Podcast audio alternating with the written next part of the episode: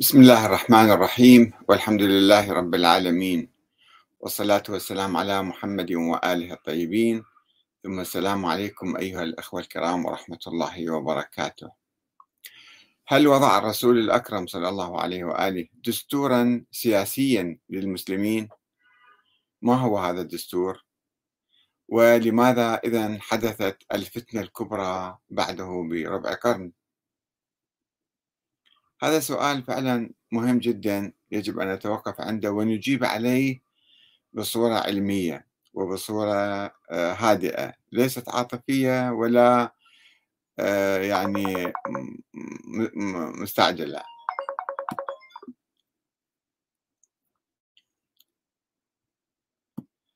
آه، الإجابة على هذا السؤال طبعا كان أخوة كثيرون. حاولوا أن يجيبوا من مختلف الأطراف من هنا وهناك.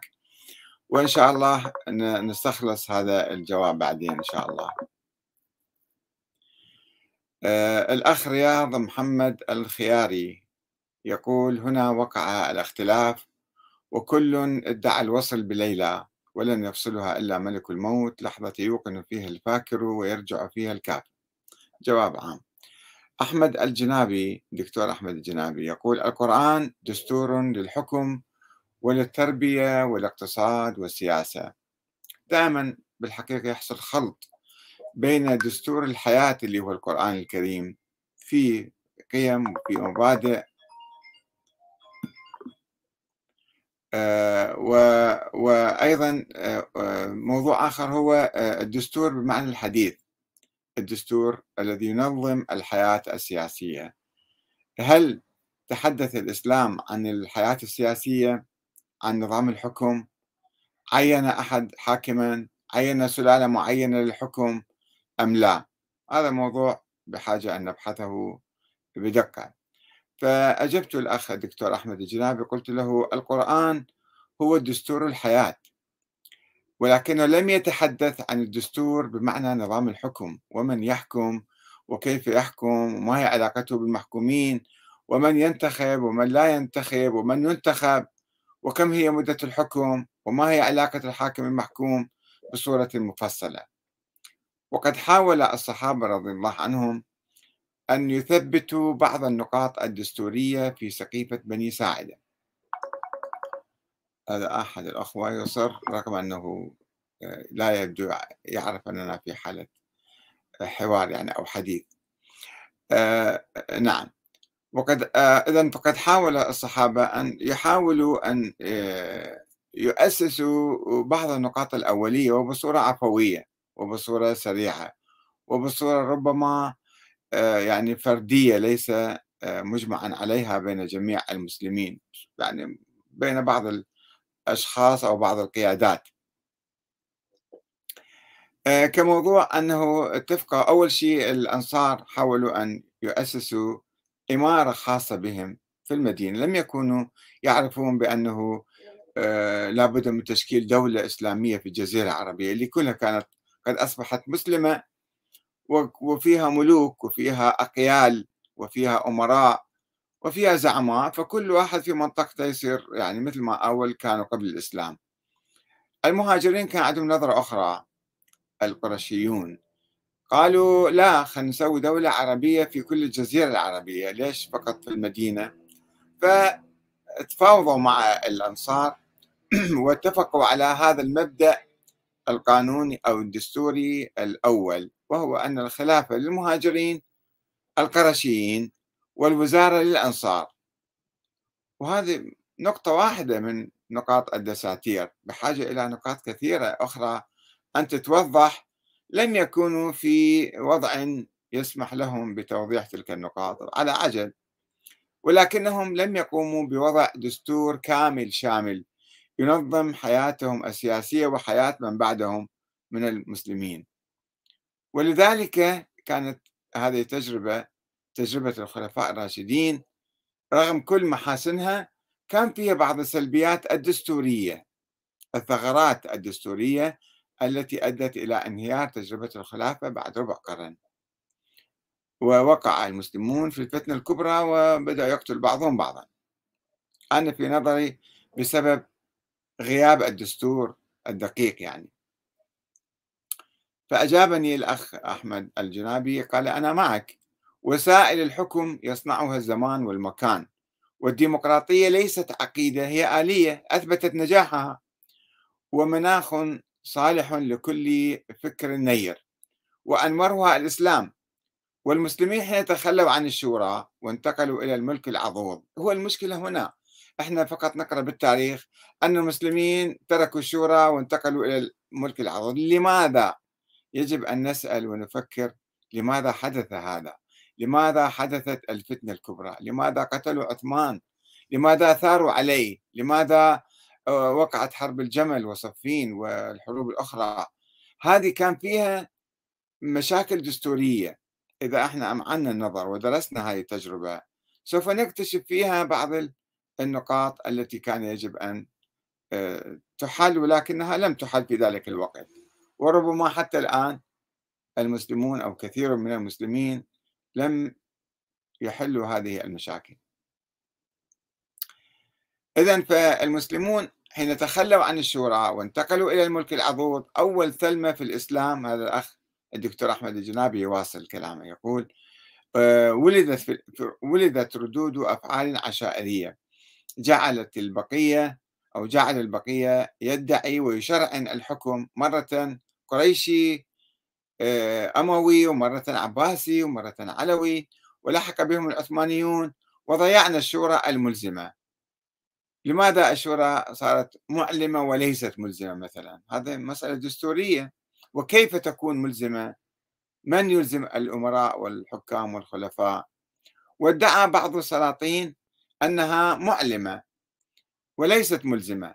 ومن أجل هذا ثار الحسين رضي الله تعالى عنه لإعادة الأمة إلى الشورى ولم يقل أني إمام معين من السماء ولا معصوم ولم يقل أعلم الغيب ولديه إدارة الكون هذه مواضيع أخرى. دكتور أحمد خلينا في موضوعنا إحنا. الإمام مارس الشورى الإمام الحسين مارس الشورى أهل الكوفة مارسوا حقهم باختيار الإمام واختاروا الإمام الحسين ورفضوا الحاكم المفروض عليهم بالقوة. هذه كانت محاولة أيضا ولكنها لم تكن مدونة في كل الأمة الإسلامية كل البلاد. ولذلك البعض يقول لك أنه هو خرج على إمام زماني. يعني يا إمام زمان هذا آه، الواحد واحد آه، فارض نفسه بالقوة ونجي نقول له أنت تعال الناس كلهم يخضعون له هذه مسألة دستورية أيضا. هو لم يصبح حاكما باختيار الناس حتى إذا واحد خرج عليه يكون خارج على الأمة. حتى الآن كثير من الناس لم يفهموا ماذا حدث من زاوية دستورية. يقول لك أي واحد يسيطر على السلطة يصبح إمام يصبح أمير المؤمنين هذا ويجوز ويحرم عليه واحد يخرج عليه. آه الأخ أحباب المصطفى يقول الرسول صلى الله عليه وآله أفعاله وأقواله وسكوته عن الفعل هو تشريع كله تشريع. فقيامه بتولية الولاة وعزلهم وتولية القضاء وعزلهم وقيامه بجمع. النبي صلوات الله وسلامه عليه قام بأعمال سياسية. وكان هو نبي باعتباره نبي آه، الناس كانوا يسمعون كلامه. ولكن ما كان في دستور معين يعني ما بعده ما بعد النبي لم يترك دستورا معينا آه الأخ آه سلمان هاشم يقول ترك الأمر شورى أي ديمقراطية أي اختيار الحاكم من قبل الناس. يعني هي آية في القرآن موجودة وأمرهم شورى بينهم وآية أخرى خاصة بالنبي وشاورهم بالأمر. هذه الآية في مكة نزلت آية الشورى. وهي مو مفصلة مو واضحة. شورى من من؟ من يمارس الشورى؟ الجزيرة العربية كلها أصبحت مسلمة في حياة النبي. كلهم يمارسون الشورى أو فقط المهاجرين والأنصار. من يصبح خليفة ومن يصبح وزير؟ هذه كلها قضايا دستورية لم تكتب في زمان النبي ولا بعد النبي. حبيب قاسم يقول القرآن الكريم أعطى قاعدة عامة وهي الشورى. آه ولكن مفهوم الشورى فيه تفاصيل. من هو الأصلح ليكون من المرشحين للشورى؟ وعلى أي أساس ينتخب هذا أو ذاك؟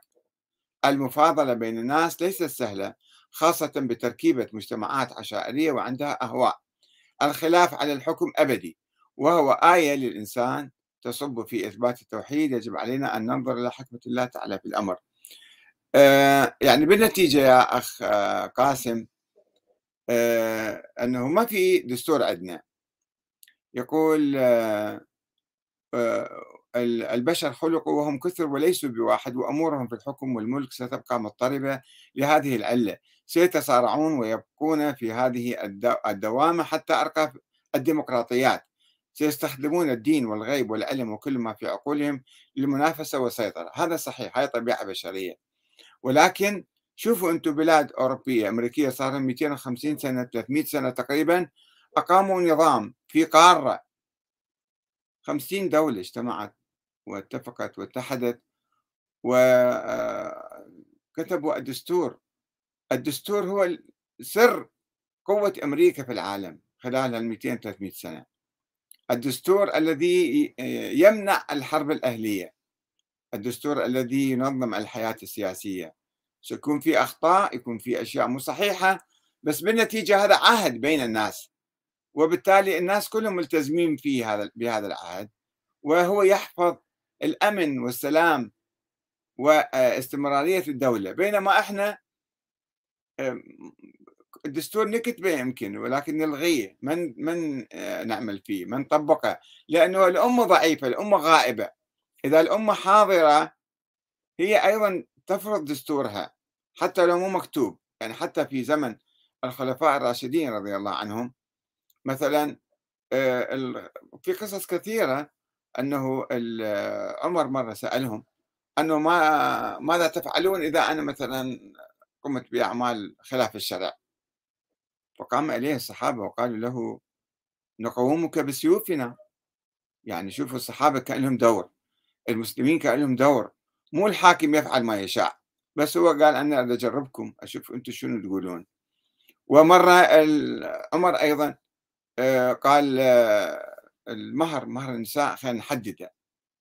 فخرجت إلى امرأة وقالت هذا مو من حقك هذا من حقنا إحنا. ما لك حق أنت تحدد المهور.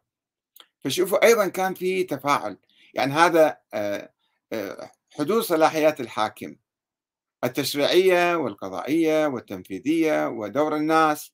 الناس إذا كانوا هم آه، أقوياء وحاضرين في الساحة هم أيضا يرسموا بعض ملامح الدستور.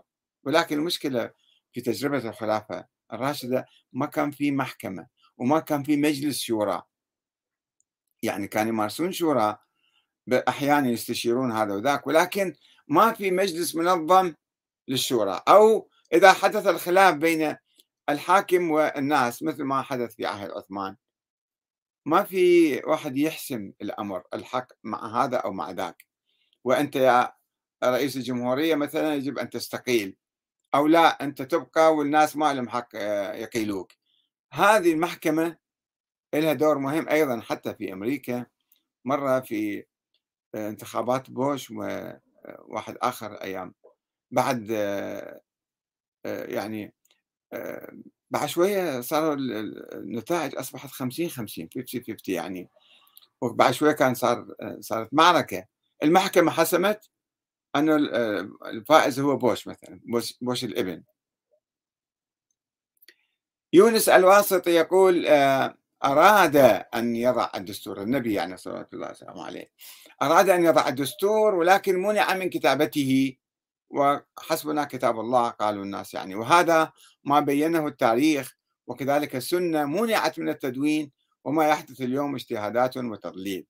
فيجاوب الأخ فراس الجنابي يقول له الذي يريد يكتب دستور وتشريع مو يكتب على فراش الموت الرسول عاش 23 سنة بعد البعثة لماذا لم يكتب شيئا ما تتكلم به أساطير من تأليف ربعنا؟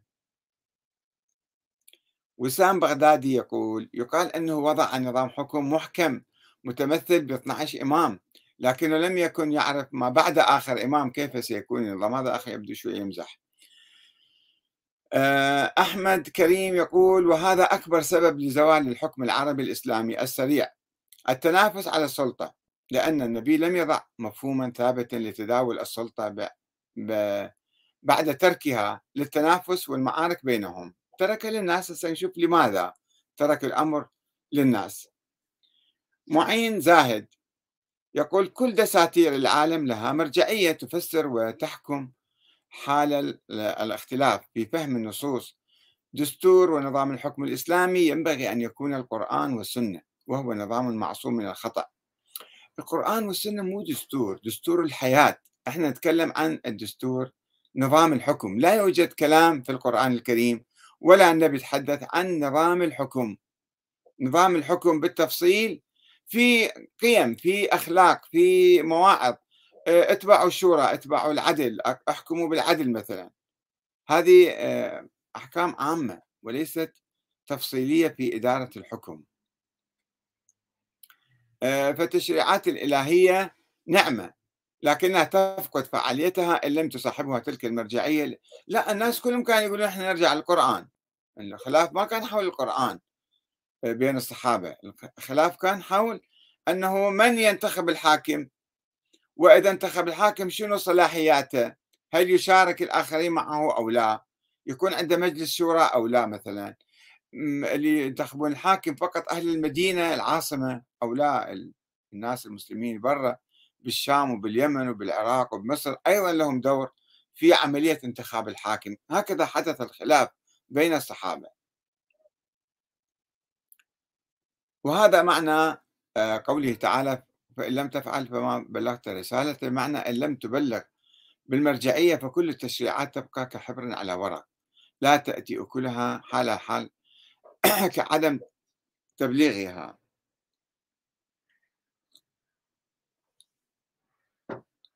وهذا فعلا ما حصل حين كرهت الأمة وأعرضت عن المرجعية التي عينها الرسول الأكرم للأمة. حتى هذا أول الكلام يا أستاذنا الكريم؟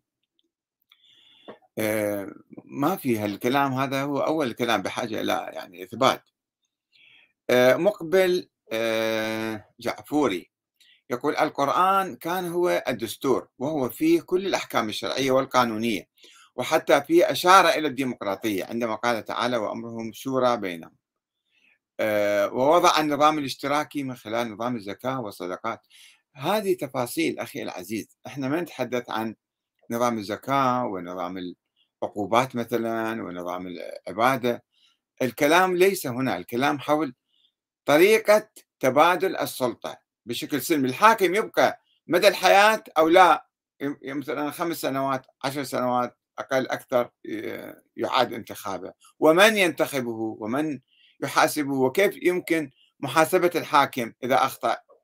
هذه مسائل الدستورية نتحدث عنها. هذه ما موجودة ولم تكتب في تجربة الخلفاء الراشدين. إحسان محمد الخنشور يقول عندما نسمع من أحدهم أن النبي أراد أن يضع دستورا أو وصية ومنع عليه أن ينتبه هذا كلام خطير. وتكذيب لله ورسوله بنص القرآن. فليقرأ آية اليوم أكملت لكم دينكم وأتممت عليكم نعمتي. ثم يقول هو يتبع إمام غائب ويأخذ دينه من إمام نائب من مرجع والمراجع كثر. أيهما يبرئ الذمة أم الكل؟ وهل غير المعصوم يبرئ الذمة؟ هذا صار بحث ثاني. ولو قدر الله للدنيا أن تظل مليارات السنين هل نظل نقلد غير المعصوم؟ الكلام حول الدستور أخي العزيز إحسان أنه بالتالي يعني ما في آه، ما في دستور عندنا. هذا خلينا نسلم أولا النبي الإسلام القرآن لم يضع دستورا للحكم وترك ذلك للناس. ما هي الحكمة في ذلك؟ سنبحثها. فروحات محمد الصالح يقول أو تقول لا أدري يقول الإسلام ليس برنامج سياسي أمور الحكم أمور دنيوية متغيرة تضبطها كليات عامة كالعدل والشورى أحسن. هذا هو ما نريد أن نصل إليه. أن أمور الحكم هذه يعني الدساتير عموما هي بنت ظروفها الزمانية والمكانية. لا يمكن أن نضع دستورا آه، في تلك الأيام بعد وفاة الرسول مثلا يمكن أن نطبقها اليوم في بريطانيا أو في أمريكا. لا يعني كل بلد إلى آه، ظروفه وإلى عاداته وتقاليده وثقافته وحتى آه، الغيث اليماني. يقول النبي عليه السلام لم يكن ملكا إنما نبيا معلما ومرشدا. جعل القرآن الصامت والناطق. هما من يرجع إليهم الناس لمعرفة مصيرهم وحياتهم. زين منو هذا القرآن الناطق يا أخي العزيز؟ الإمام علي عليه السلام. مو هالشكل؟ حسب فرضية الإمامة أو نظرية الإمامة وبعد الإمام علي؟ في أبناء الحسن والحسين أو فقط في أبناء الحسين أو كذا. صراع موجود بين أبناء الحسن وأبناء الحسين. فشلون يا من هو القرآن الناطق؟ وكيف نعرف هذا القرآن الناطق؟ وشلون هذا مو دستور نتحدث عن دستور يا أخي العزيز الغيث اليماني. أنت أغثنا شوية. أنه فكر بالموضوع أكثر. أنه الدستور الآن في اليمن مثلا الصراع يمكن يكون جزء من عنده حول الدستور. دستور يكون فدرالي ولا يكون فدرالي؟ يكون وحدوي ولا يكون شامل لكل اليمن؟ أو أو تقسيم به. ومنو يحكم؟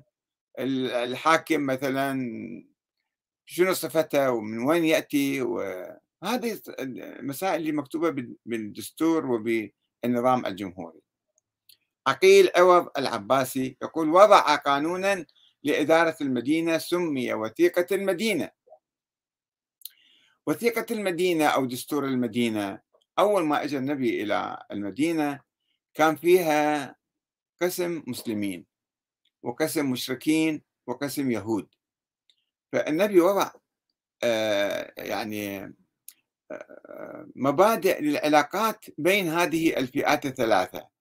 لم يضع دستورا للحكم إنما هو أصبح حكما أو أصبح حاكما بعد أن انتشر المسلمون وازدادوا واليهود أيضا انقلبوا على ذلك الدستور وخربوه بعدين. ما كان دستور لتبادل السلطة. إحنا نتحدث عن دستور تبادل السلطة. الدستور يعني صحيح وسمي دستور المدينة ولكنه يعني فقط يعني لإدارة العلاقات في ذلك الزمان فقط.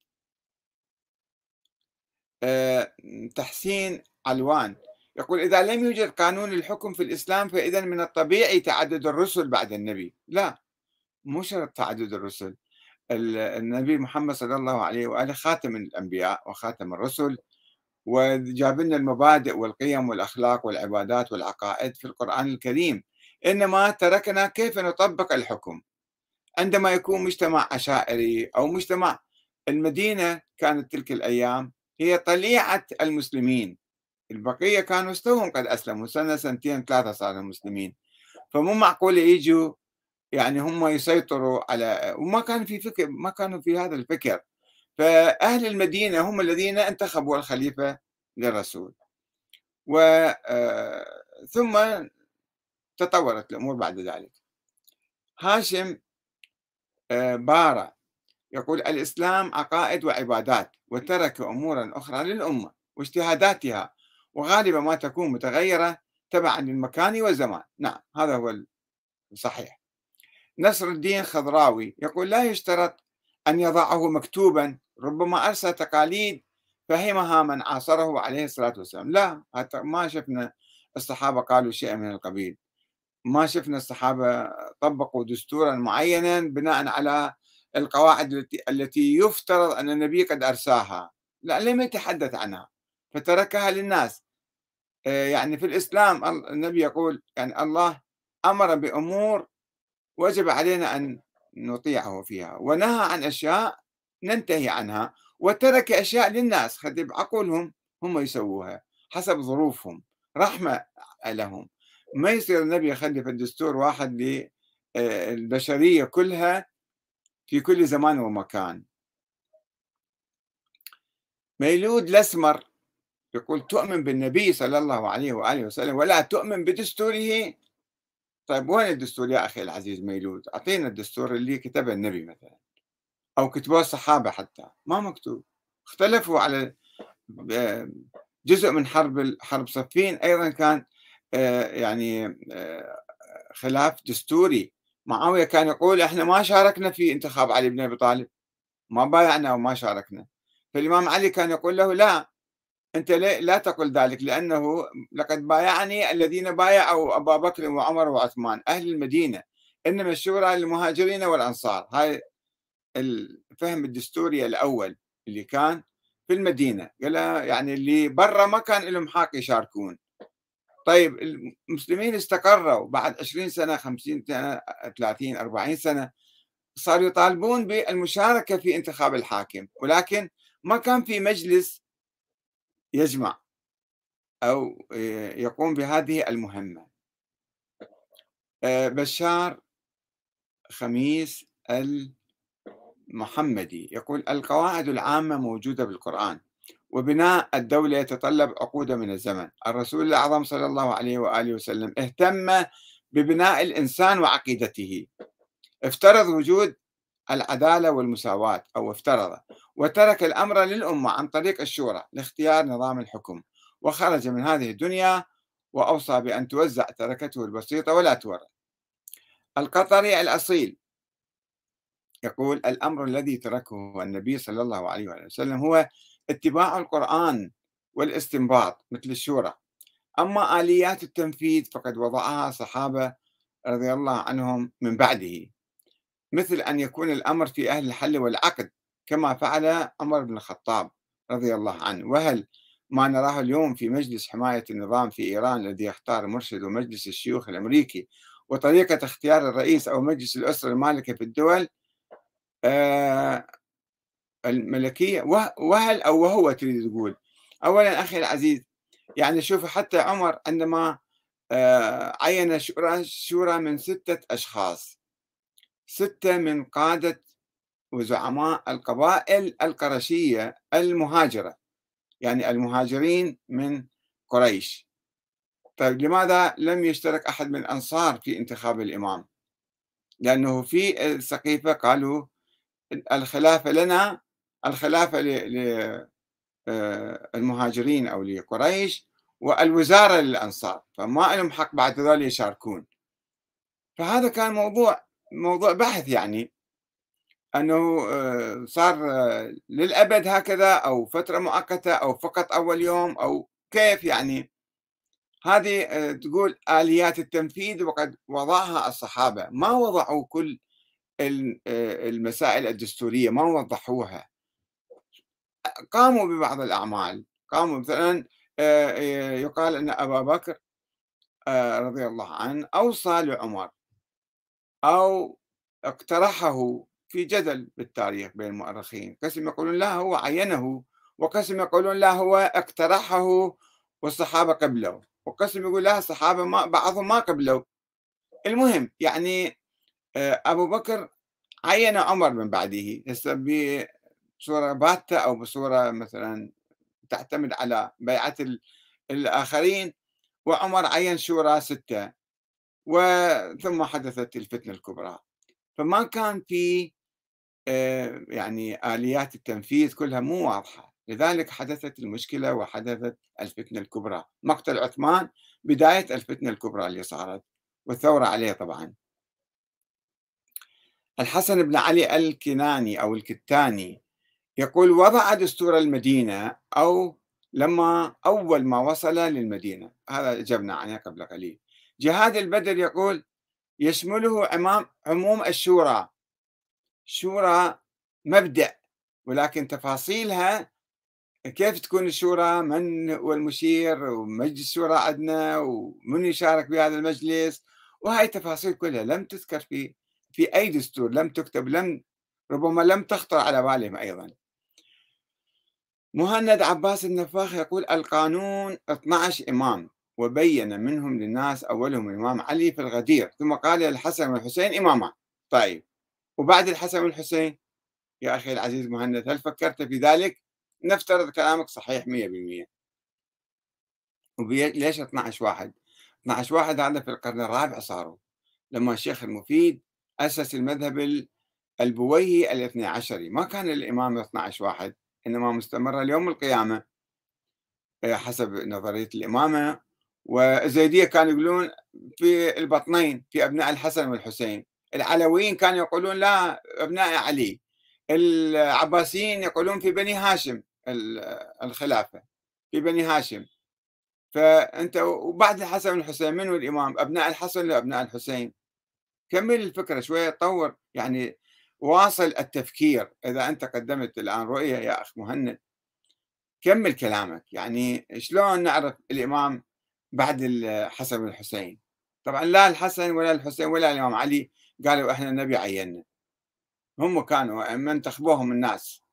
انتخبوا الإمام علي بعد مقتل عثمان وبعد وفاة الإمام علي واستشهاده انتخبوا الحسن وثم أهل الكوفة انتخبوا الحسين والإمام الحسن تنازل عن هاي الخلافة وطاها المعاوية من أجل الصلح وحقن الدماء. طيب بعدين قال شو راح ترجع؟ الإمام الحسن قال شو راح ترجع؟ إذا معاوية مات وأنا كنت ميت ترجع. آه، شورى بين المسلمين. شورى كيف؟ من يبت بالشورى؟ لم لم يوضح أحد ذلك. ولذلك معاوية آه، يعني لفلف الأمور وأوصى إلى ابنه يزيد. عباس الشنين يقول عندما تناقش شخصا يعرف أشياء وضاعت عنه أشياء لا تصل إلى غاية في النقاش. عبد الرزاق نوري يقول وثيقة المدينة نموذج. يا أخي أنت قارئ وثيقة المدينة شايفها كلها مفصل. ما فيها كلام عن تبادل السلطة وعن علاقات مؤقتة بين الكتل الموجودة في المدينة. آه، سالم عبد القادر. يقول نعم موجود ميثاق المدينة وهو يعتمد على الإدارة المحلية والفدرالية. أبو لارا آه، يقول هو ليس سياسيا بالمعنى الحكم عنده جانب رسالته النبي يعني يقصد وأوضحه من خلال أحاديثه في العدل والنزاهة والمساواة. أما كنظام فلا يمكن فإن السياسة متغيرة وغير ثابتة والمعادلات تتغير. مرة أنت في بلد صغير مثل جزر القمر مثلا تضع لك دستور. ومرة أنت في الولايات المتحدة الأمريكية أو الهند أو الصين أو الكذا كيف تضع الدستور؟ يختلف. آه فريدون كريم يقول النبي صلى الله عليه وآله وسلم آه، لما هاجر إلى يثرب غير اسم آه، اسم المدينة وأسس الدستور للدولة حيث تكون من 52 مادة أو بند.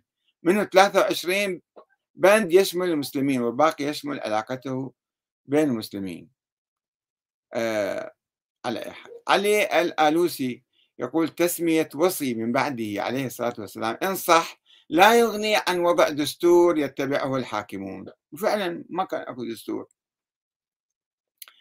علي الشويلي يقول نعم وضع دستور الحكم هو نظام الشورى أي أنه لم يحدد الحكم ملكيا أميريا.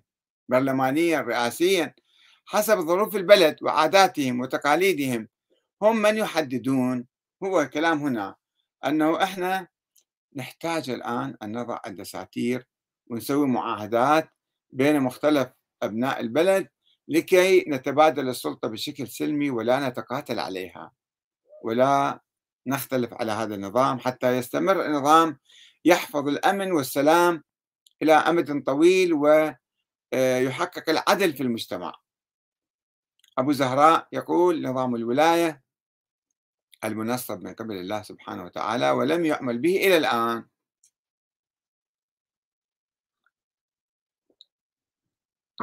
طيب سابقا ما عملوا بنظام الولاية؟ افتهمنا.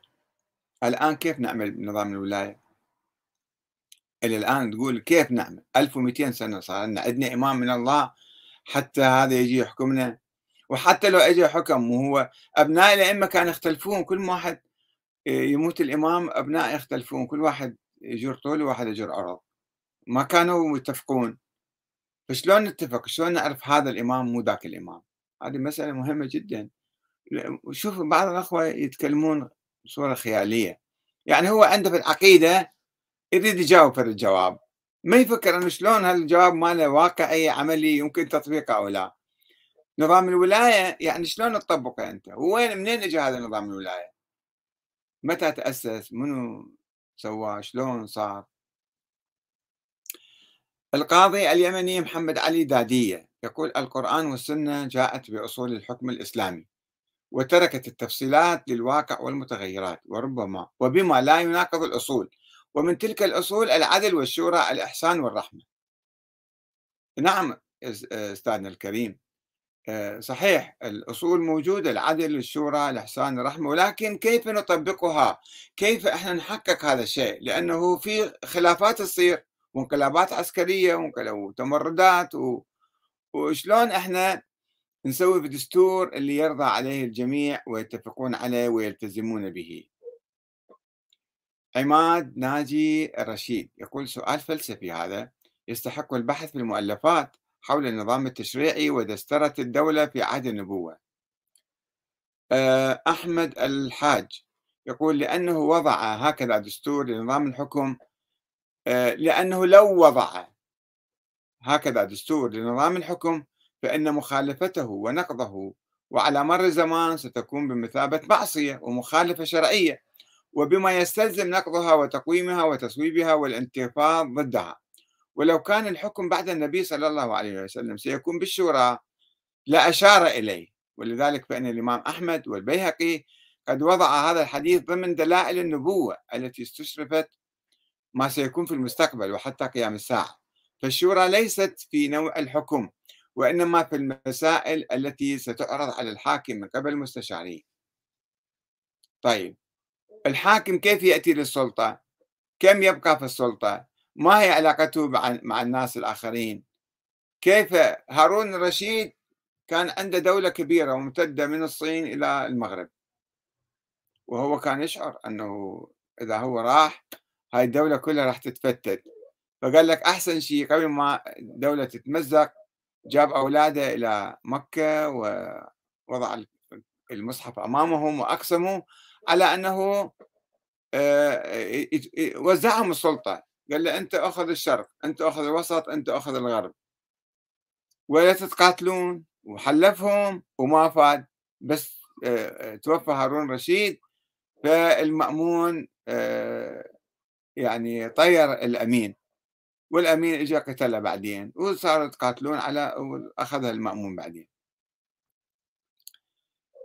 آه، يعني الشورى الشورى المهم كيف نسوي هذا النظام؟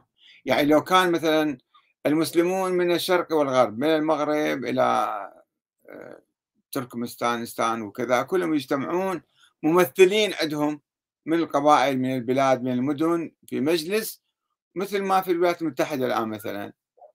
آه، من كل البلاد عندهم مجلس مثل كونغرس يعني.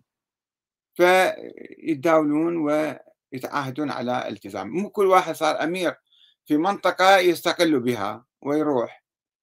سالم بدر يقول نعم نموذج للدستور هو دستور المدينة وهو دستور مدني قرآني إشراك الجميع من الملل والشرائع. غسان الغلاييني يقول فكرة الدستور هي فكرة حديثة نسبيا فما بالك بالقرن السابع؟ وحتى لو وضع النبي دستورا لمن بعده فلن يطبق. ميثم المويل يقول عندما يتشتت الفكر ولا يستند إلى سيرة النبي وكيف أسس النظام الذي بدأ به في المدينة وماذا أمر بأن يكون من بعده؟ أعدل وأنصف رجل على وجه الكرة الأرضية وهو الإمام علي. أي نظام الولاية التي تمتلك نظام الحكم وإدارة الدولة. وبناء المؤسسات وهي هذه الولاية مسددة من السماء. لعرفنا أن الرسول وضع القواعد الأولى لبناء النظام السياسي متكامل إلا أن الكاتب لم يصل ولا يصل إلى هذا الفهم لأنه لم يفهم الرسول ولا وصية الرسول ولا الإمامة ولا الولاية.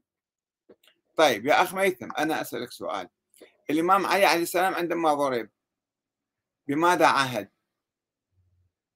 هل عاهد للإمام الحسن؟ لم يعهد. هل وضع مجلسا لانتخابي خلف له؟ لم يضع مجلسا للانتخاب خلف له. قال له إحنا راح ننتخب الحسن. قال لهم لا أمركم ولا أنهاكم. فما كان في نظام لتبادل السلطة والاستمرار فيها. من يكون بعد الإمام علي مثلا؟ ما موجود. الإمام علي لم يضع هذا الشيء. هو حاكم عادل صحيح ما نختلف وياك. ولكن نتحدث عن نظام الحكم عن الدستور اللي يرسم نظام الحكم. ما كان موجود يا أخي العزيز. الشيخ عباس يزبك يقول وأمرهم شورى بينهم. خلاص يعني يا شيخ عباس بحاجة نفكر أكثر. نفكر أكثر كيف نطبق الشورى بشكل جيد وأفضل. جود آه شين يقول قبل اللجوء للأحاديث التي هي محط إشكال وتضارب في متن الرواية أو تفسيرها علينا البحث عن أساس لهذا الموضوع في القرآن يعني موضوع الدستور. وهل الأنبياء قبل نبينا أوصت بخلافة أو إمامة؟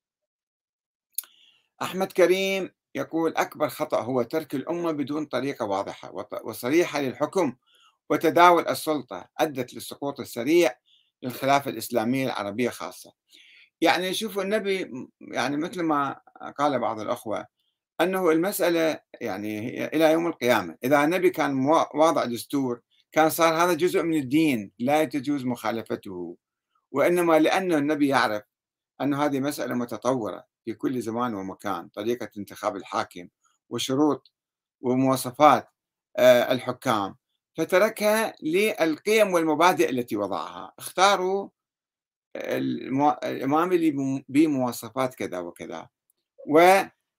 وطريقة انتخاب الحاكم هذه مهمة اللي إحنا لازم نطبقها الآن.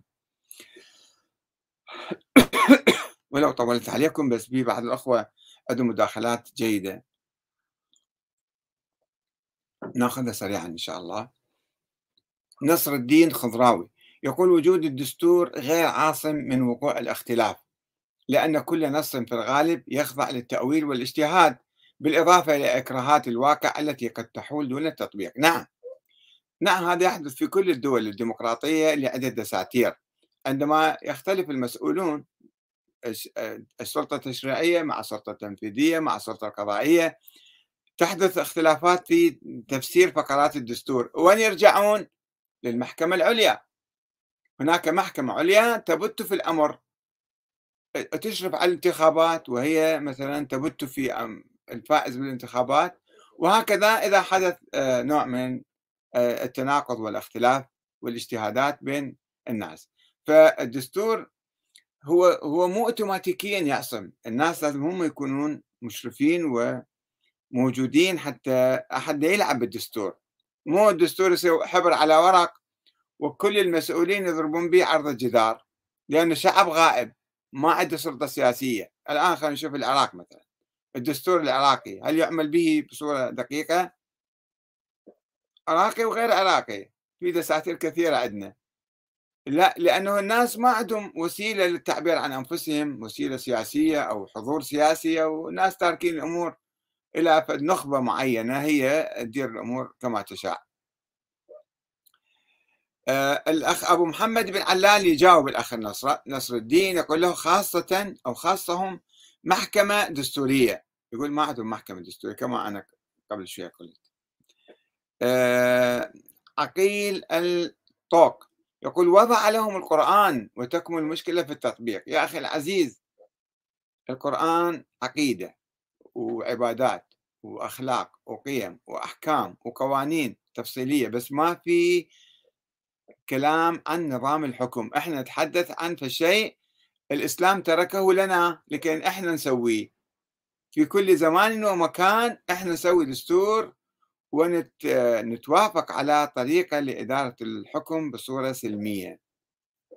أحمد علي البصراوي يقول كل دستور يحتاج إلى قوة لتطبيقه فلا ينفع وجود الدستور بلا قوة. معك لأن الإنسان يستطيع أن يخضع أي شيء لرغباته يصير تلاعب؟ نعم. تلاعب ولكن كيف نمنع التلاعب؟ من الذي يمنع التلاعب؟ لازم عندنا حضور عندنا مجالس متعددة عندنا حرية صحافة عندنا أحزاب موجودة عندنا مجالس مثلا برلمانية متعددة. إذا الرئيس تجاوز حدوده تقول له أوقف ستوب معين زاهد؟ يقول أوليس القرآن فيه تبيان لكل شيء؟ أم أنه ناقص؟ أم أن الرسول صلى الله عليه وسلم قصر في التبليغ؟ أم أنك لا تفهم محكم آيات الكتاب المبين؟ هذا أعتقد لمرة ثانية يتكلم الأخ يعني نفس الإشكال يعيده. أه ونقول له يقول الرسول الأعظم صلى الله عليه وسلم بمعنى أنه الله أمرنا بأمور وأراد أن نطيعه. ونهى عن أمور جاوبنا نفس الجواب. في أمور وكلها للناس وما موجود في القرآن. يعني أنت تقول آه، إحنا ما نفهم محكم آية اعطيني آية تتكلم عن النظام السياسي. ما موجودة في القرآن. القرآن من أول إلى آخر ما تجد هذا الشيء. القرآن كامل مو ناقص ولكن آه، في القيم والمبادئ والقوانين العامة. أما في نظام الحكم كل بلد عنده نظام حكم خاص به. شوفوا أنتم العالم كله شكل يعني.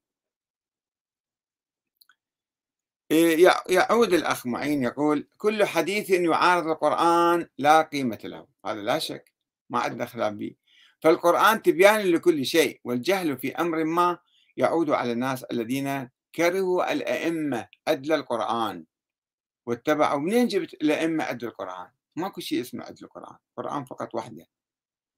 الأئمة يطبقون القرآن الأئمة ماكو ماكو نص عليهم لا من الله ولا من الرسول. فأنت من شلون سويتم أدل القرآن؟ هذا أول كلام يا أخي العزيز. آه يعني هسه هذا كلام آه ويعود مرة أخرى يقول لي أنت تتساءل لماذا لم يضع الرسول دستورا ينظم الحياة السياسية؟ وفي جوابك على تعليقنا تقول ربما لأنه أوكلها للناس حسب ظروفهم وزمانهم ومكانهم. فإذا تركها الله تعالى لحاجة في نفس أحمد الكاتب هل على رسول الله أن يخالف الإرادة الإلهية ويكتب دستورا؟ صار هنا كلام مو يعني صار مسخرة شوية أو استهزاء أو كذا. آه ثم لماذا تقول لا تقول بما أراد أن يكتب لهم دستورا؟ لن يظلوا بعده أبدا. ومنعه الصحابة الكرام بقول أحدهم النبي يهجر يعني النبي محمد من أول يوم كان يقول عليه مجنون. بطل عن عن تبليغ الرسالة. في مكة كانوا يقول عليه شاعر مجنون ساحر. الاتهامات ما تمنع النبي من التبليغ ولم تمنعه. فأولا هذا كلامك مو صحيح النبي يهجر هذا مشكوك فيه يعني. ثم أنه إذا كان النبي يريد يسوي دستور ونظام حكم ويعين مجلس شورى سواه قبل ما يتوفى. وحديث الغدير يعني ما فهم أحد من الصحابة ولا الإمام علي ولا العباس ولا أي واحد أنه هذا حديث بالنص على الإمام علي بالخلافة. لذلك العباس آه، سأل الإمام علي قال له روح شوف اسأل النبي منو راح يكون خليفة من بعده منو يكون حاكم من بعده؟ آه، فالإمام علي قال له أنا ما أسأل السؤال هذا لأنه إذا قال لا أنتوا أنتوا خارج قوس راح بعد إحنا ما نوصل وما أسأله. فراح العباس سأله. قال له يعني الله يشوف شنو الخير لكم يعطيكم. ما جاوب النبي. والنبي أوصى بأمواله ورعاية نسائه للإمام علي. ما ماكو شيء آه، وصية بالنص بالخلافة والإمامة على الإمام علي. آه، آه، عدي باش يقول نظام الحكم وتدبير شؤون الناس عموم سكان الرقعة الجغرافية التي سيطر عليها المسلمين أو سيطر على المسلمين. من الأمور الدنيوية المتغيرة حسب الظروف الزمكانية. لذلك ترك الرسول أمرها إلى الناس. للتشريع عقد اجتماعي هو دستور ينظم شؤونها أغلب الدول الإسلامية الحديثة شرعت دساتير تراعي المعايير العالمية لحقوق الإنسان. حق المواطنة حرية العقيدة الدينية بالشكل الذي لا يتعارض مع ثوابت الإسلام. الدكتور علي عيتر يقول لقد وضع رسول الله صلى الله عليه وآله دستورا منطوقا غير مدون حينما أوصى بالخلافة من بعده 12 نقيبا وكان وكاد أن يدون ذلك في رزية الخميس دولة تجاسر. يا أخي العزيز يا دكتور علي أولا هاي مسألة 12 شيلها من رأسك. هاي ال 12 صارت بعدين بعد ما 11 واحد كانوا. 11 واحد من الخط الموسوي وصلوا إلى طريق المسدود. الإمام العسكري ما كان عنده أولاد ولم يتحدث عن الإمامة ولا يتحدث عن وجود ولد له. ووقع الشيعة في حيرة وظلوا مئة سنة حيرانين. وبعدين ورا مئة سنة اجى الشيخ المفيد سوى المذهب الاثني عشري. سواهم 12 ولزق الثاني عشر وجاب أحاديث من السنة وكذا وسواهم. هاي أولا. بعدين دستور منطق شنو يعني؟ يعني خلال الأئمة أنت تلقى أن طريقة نظام الحكم موجودة في التراث الأئمة. سواء الإمام علي أو آخر إمام. ما يتحدثوا عن نظام الحكم. ما ما موجود. يعني كيف ينتخب الحاكم وكم سنة ينتخب ومن ينتخبه وكيف يعزل مثلا وإذا أخطأ شيء يصير فيه. هذا كله مو موجود. في شذرات من الكلام. مثلا الإمام علي عليه السلام عنده حديث يقول الحاكم إذا الناس انتخبوه كان لله رضا. وإذا آه، أخطأ أو أصر على خطأ يعزل هذا أيضا مبدأ دستوري في مبادئ دستورية متفرقة بس مو مكتوبة مجموعة فما عندنا شيء اسمه دستور منطوق غير مدون. شنو ذاك الدستور المنطوق الغير مدون؟ نظام الإمامة مو مو مو مو دستور هذا. هذا كلام نظرية معينة أن ذولا أحق بالحكم بس هذا مو دستور. ولا منطوق. فيجاوب أحد الأخوة ما أدري شنو كاتب. بيالوغا يقول هذا الدستور المنطوق غير المكتوب. تفترض أنه من الله. قام النبي بتبليغه الأمة شفهيا وكاد أن يدونه بحسب ما تدعي جناب الدكتور. إن كان من الله فلماذا لم يذكره الله بشكل صريح واضح لا لبس فيه في آية محكمة من القرآن؟ ويكررها عشرات المرات كما كرر حكم الزكاة.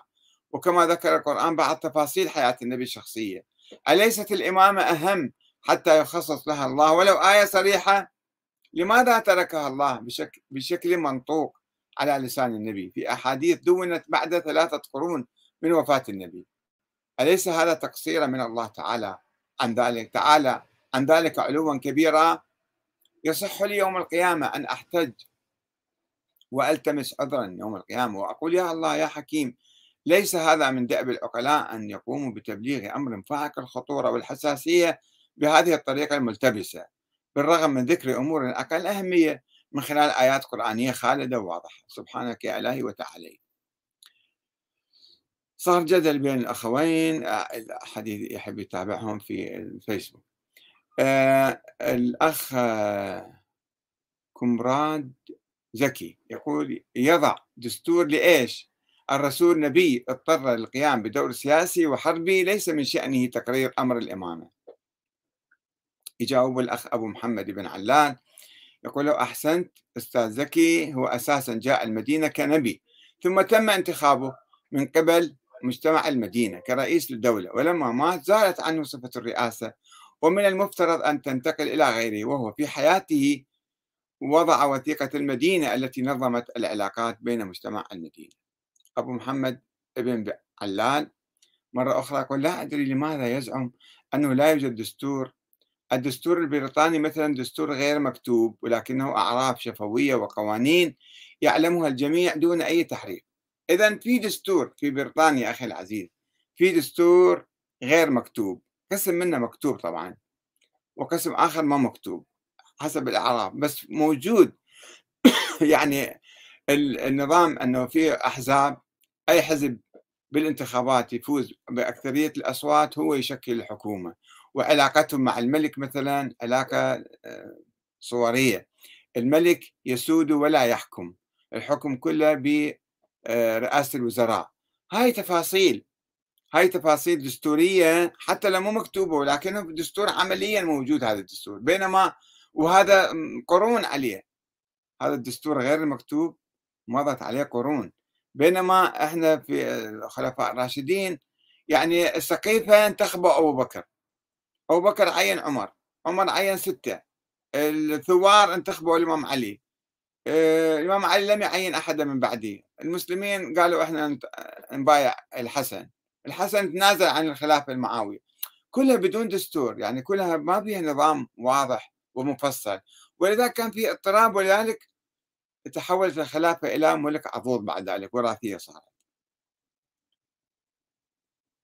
حسام أبو عبد الله يقول ربنا جل جلاله آه ترك كذا للناس أمور دنياهم وبذلك عمل رسولنا الكريم. محمد الإمام الحافظي يقول كفى بالقرآن والسنة دستورا عاما شاملا. فقد أنزل الله ذكر الحكيم على عبده ورسوله صلى الله عليه وسلم لتحيا به البشرية بسلام. ووئام وتسعد وتموت راضية مرضية وترضى به يا أخي العزيز يا أستاذ محمد القرآن دستور الحياة. دستور الحياة.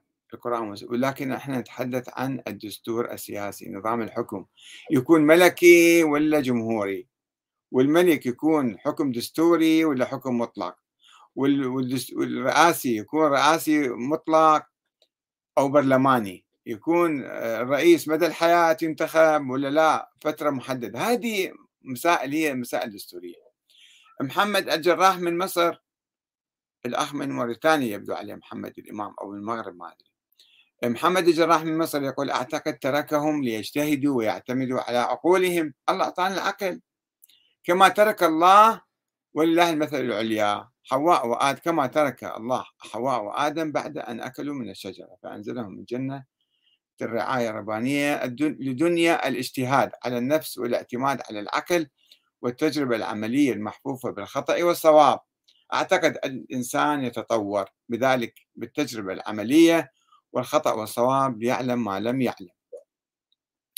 الحقيقة فكرة الدستور هي فكرة أوروبية أساسا وغربية وديمقراطية يعني هي التي أسست الديمقراطية آه، وعرضت على الدولة العثمانية في أواسط القرن التاسع عشر أيام السلطان عبد الحميد آه، الثاني.